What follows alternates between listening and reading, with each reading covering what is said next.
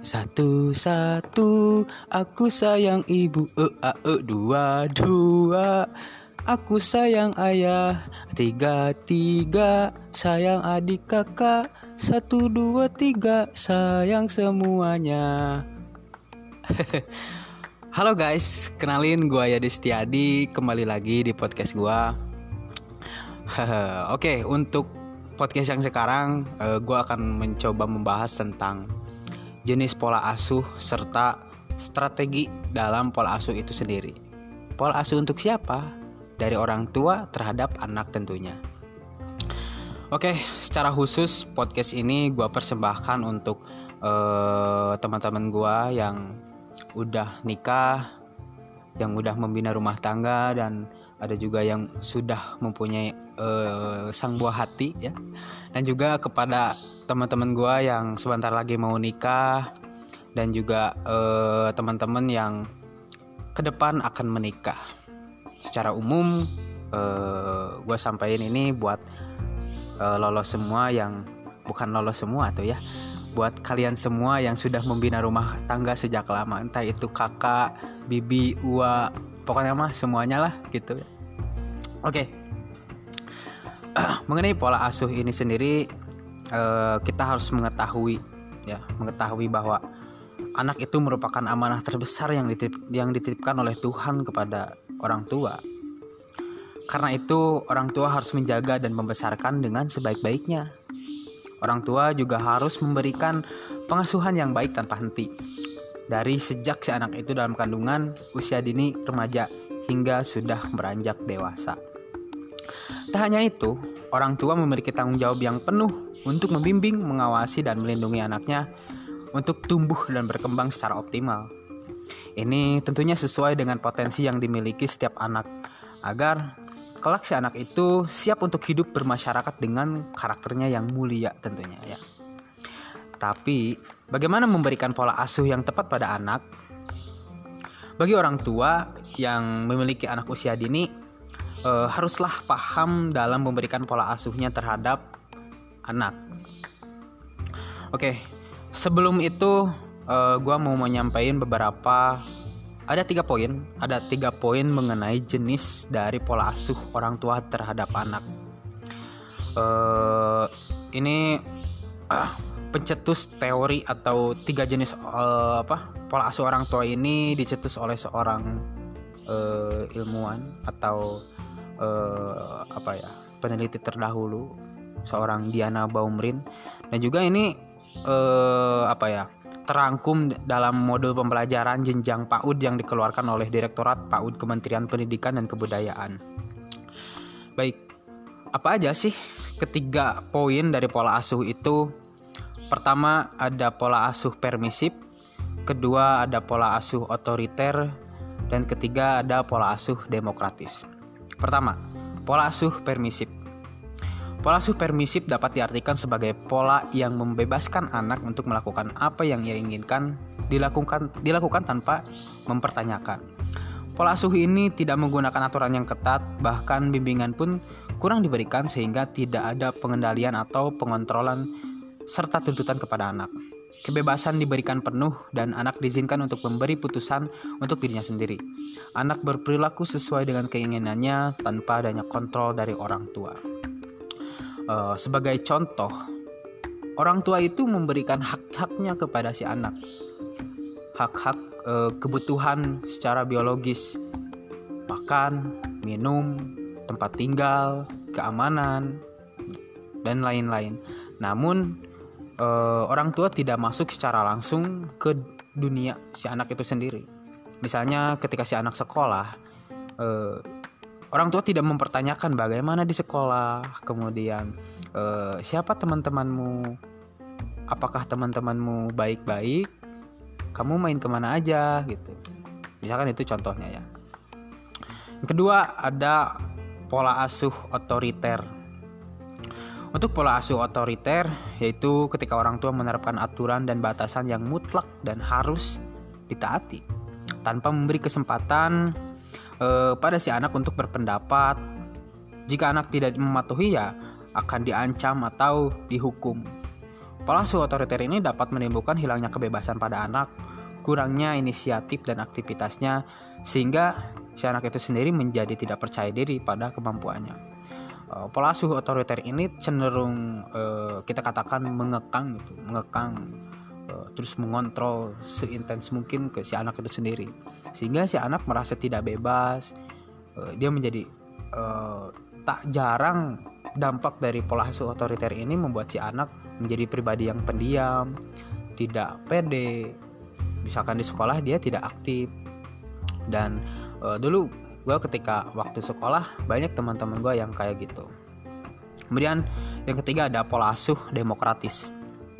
Sedangkan pola asuh demokratis ini yaitu menanamkan disiplin kepada anak dan menghargai kebebasan yang tidak mutlak dengan bimbingan yang penuh pengertian antara anak dengan orang tua dari bimbingan itu memberikan penjelasan secara rasional dan objektif jika keinginan dan pendapat anak tidak sesuai. Dalam pola asuh, dalam pola asuh ini bisa tumbuh, bisa tumbuh rasa tanggung jawab pada anak. Dan pada akhirnya si anak mampu bertindak sesuai dengan norma yang ada. Jadi dalam pola asuh demokratis ini ini bisa dikatakan dari beberapa uh, survei atau gue juga pernah nanya ke beberapa orang dari tiga pola asuh ini yang terbaik adalah pola asuh demokratis. Kenapa? Karena antara orang tua dan si anak itu saling berkorelasi. Eh, ada komunikasi yang terjalin pendapat si anak eh, diterima dan ditampung. Kemudian orang tua pun memberi feedback yang baik terhadap si anak itu sendiri. Hingga dalam beberapa permasalahan eh, mencapai mencapai kesepakatannya kesempatan kesepakatan sorry sorry kesepakatan yang dapat memuaskan si anak itu sendiri.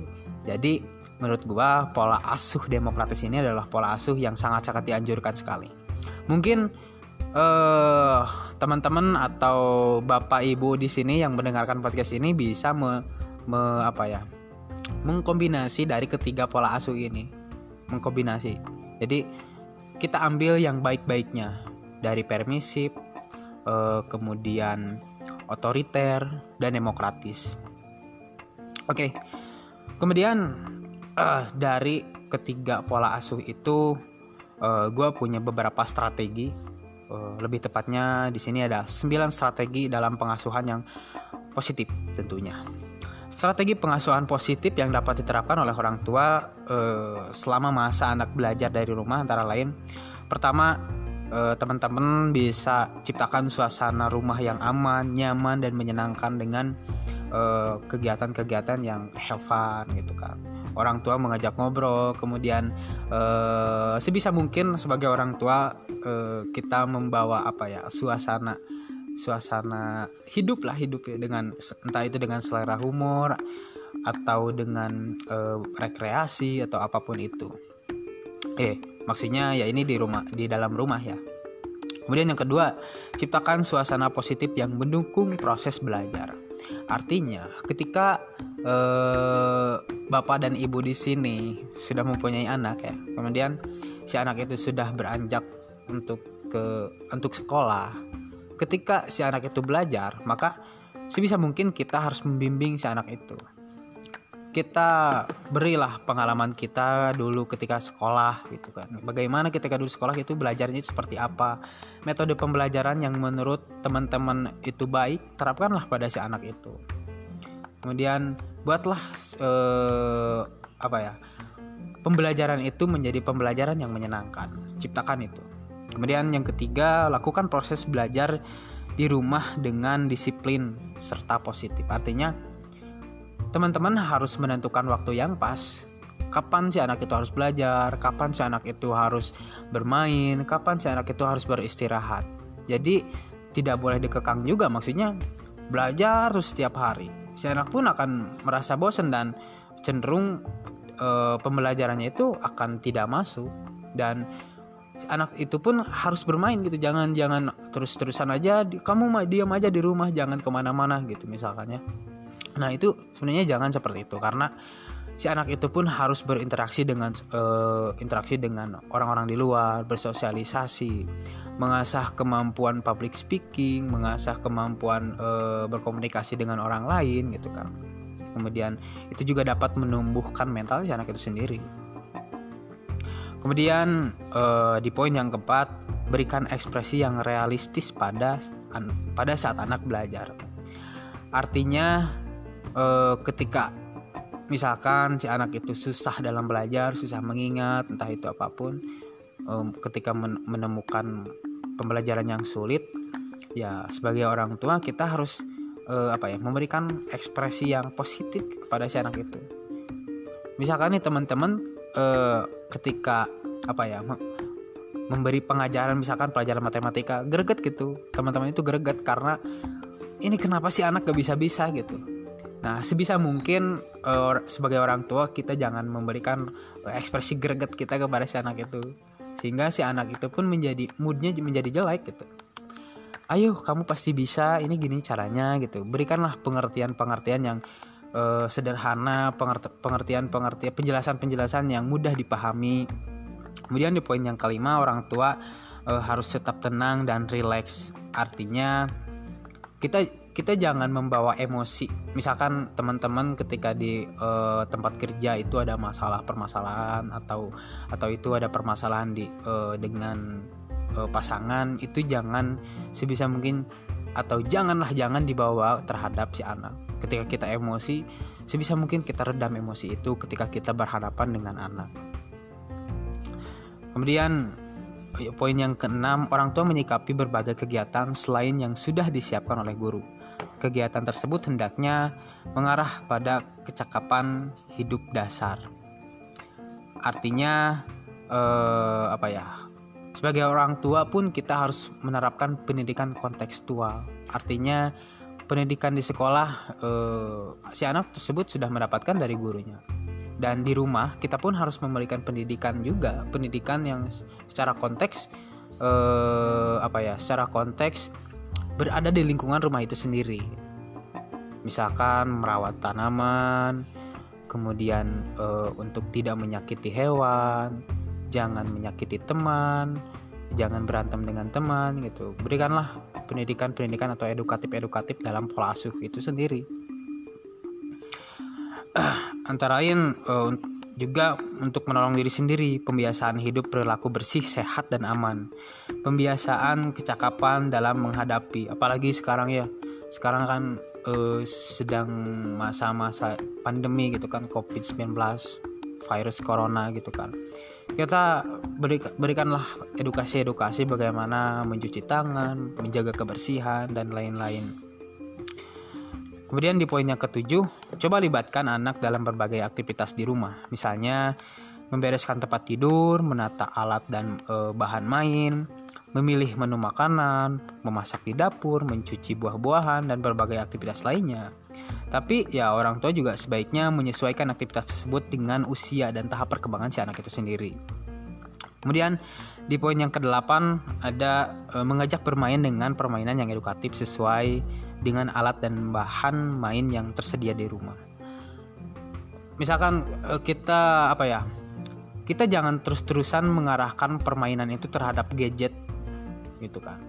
Apalagi di zaman sekarang permainan gadget seperti Mobile Legend, Free Fire ataupun PUBG Mobile itu kan memang kita tidak bisa menghindari dari permainan-permainan itu karena memang itu sudah menjadi bagian dari peradaban gitu kan. Sudah menjadi bagian dari uh, zaman 4.0 gitu kan. Teknologi sudah semakin maju maka itu pun ya berdampak terhadap permainan-permainan anak gitu sebagai orang tua ya kita harus mengontrol gitu.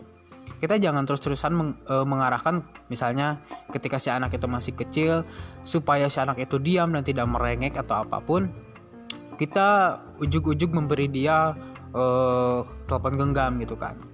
Atau gadget lah smartphone. Mengakses mengakses YouTube gitu. Gitu kan kalau kita tidak mengawasi secara langsung kita kan tidak tahu e, situs-situs apa yang ia kunjungi, konten-konten apa yang ia tonton itu juga menjadi harus menjadi perhatian yang lebih itu bagi teman-teman sebagai orang tua. Itu kan. Jadi uh, kita kenalkanlah permainan-permainan kita uh, se apa ya semasa kecil itu permainan-permainan itu apa aja gitu yang edukatif, yang sportif, artinya uh, juga anak-anak bisa bermain sekaligus berolahraga gitu. Misalkan kalau saya semasa semasa kecil itu ada baren-barenan ada galah ada sapintrong gitu kalau untuk perempuannya. Jadi anak-anak itu bermain dan berolahraga gitu.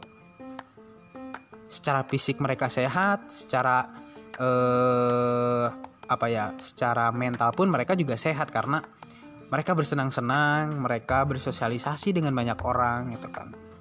Kemudian di poin yang kesembilan orang tua dapat membacakan buku mengajak anak membaca bersama atau bercerita. Nah ini juga menjadi bagian apa ya komponen penting kita sebagai orang tua menerapkan budaya literasi atau membaca kepada anak. Kita coba dengan atau kita mulai dengan uh, kita membacakan cerita, kita uh, mengenalkan anak pada buku-buku sesuai, sesuai sesuai usianya gitu kan.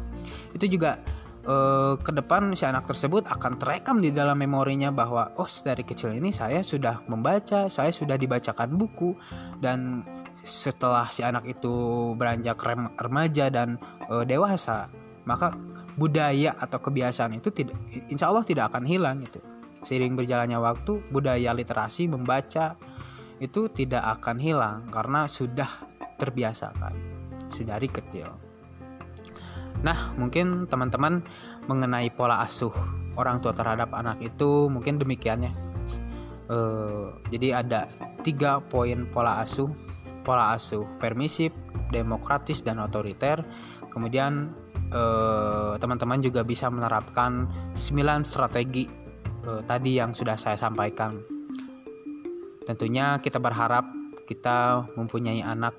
Atau misalkan teman-teman yang belum menikah pun itu bisa diterapkan pada adik-adik kalian gitu kan, pada sanak saudara gitu. Untuk menerapkan pola asuh itu sendiri. Mudah-mudahan ya kita uh, apa ya anak-anak anak-anak kita. Tapi gue belum kawin sih ya mudah-mudahan anak eh, apa teman-teman mempunyai anak yang soleh anak yang aktif cerdas dan lain-lain. Mudah-mudahan. Nah mungkin sekian dulu podcast dari gue mengenai pola asuh ini. Semoga bermanfaat dan jika podcast ini bermanfaat eh, teman-teman bisa sebarkan ke teman-teman yang lain sanak saudara ataupun uh, saudara-saudara yang sudah menikah teman-teman yang sudah menikah mungkin ya oke see you. Sampai berjumpa lagi di podcast gue yang selanjutnya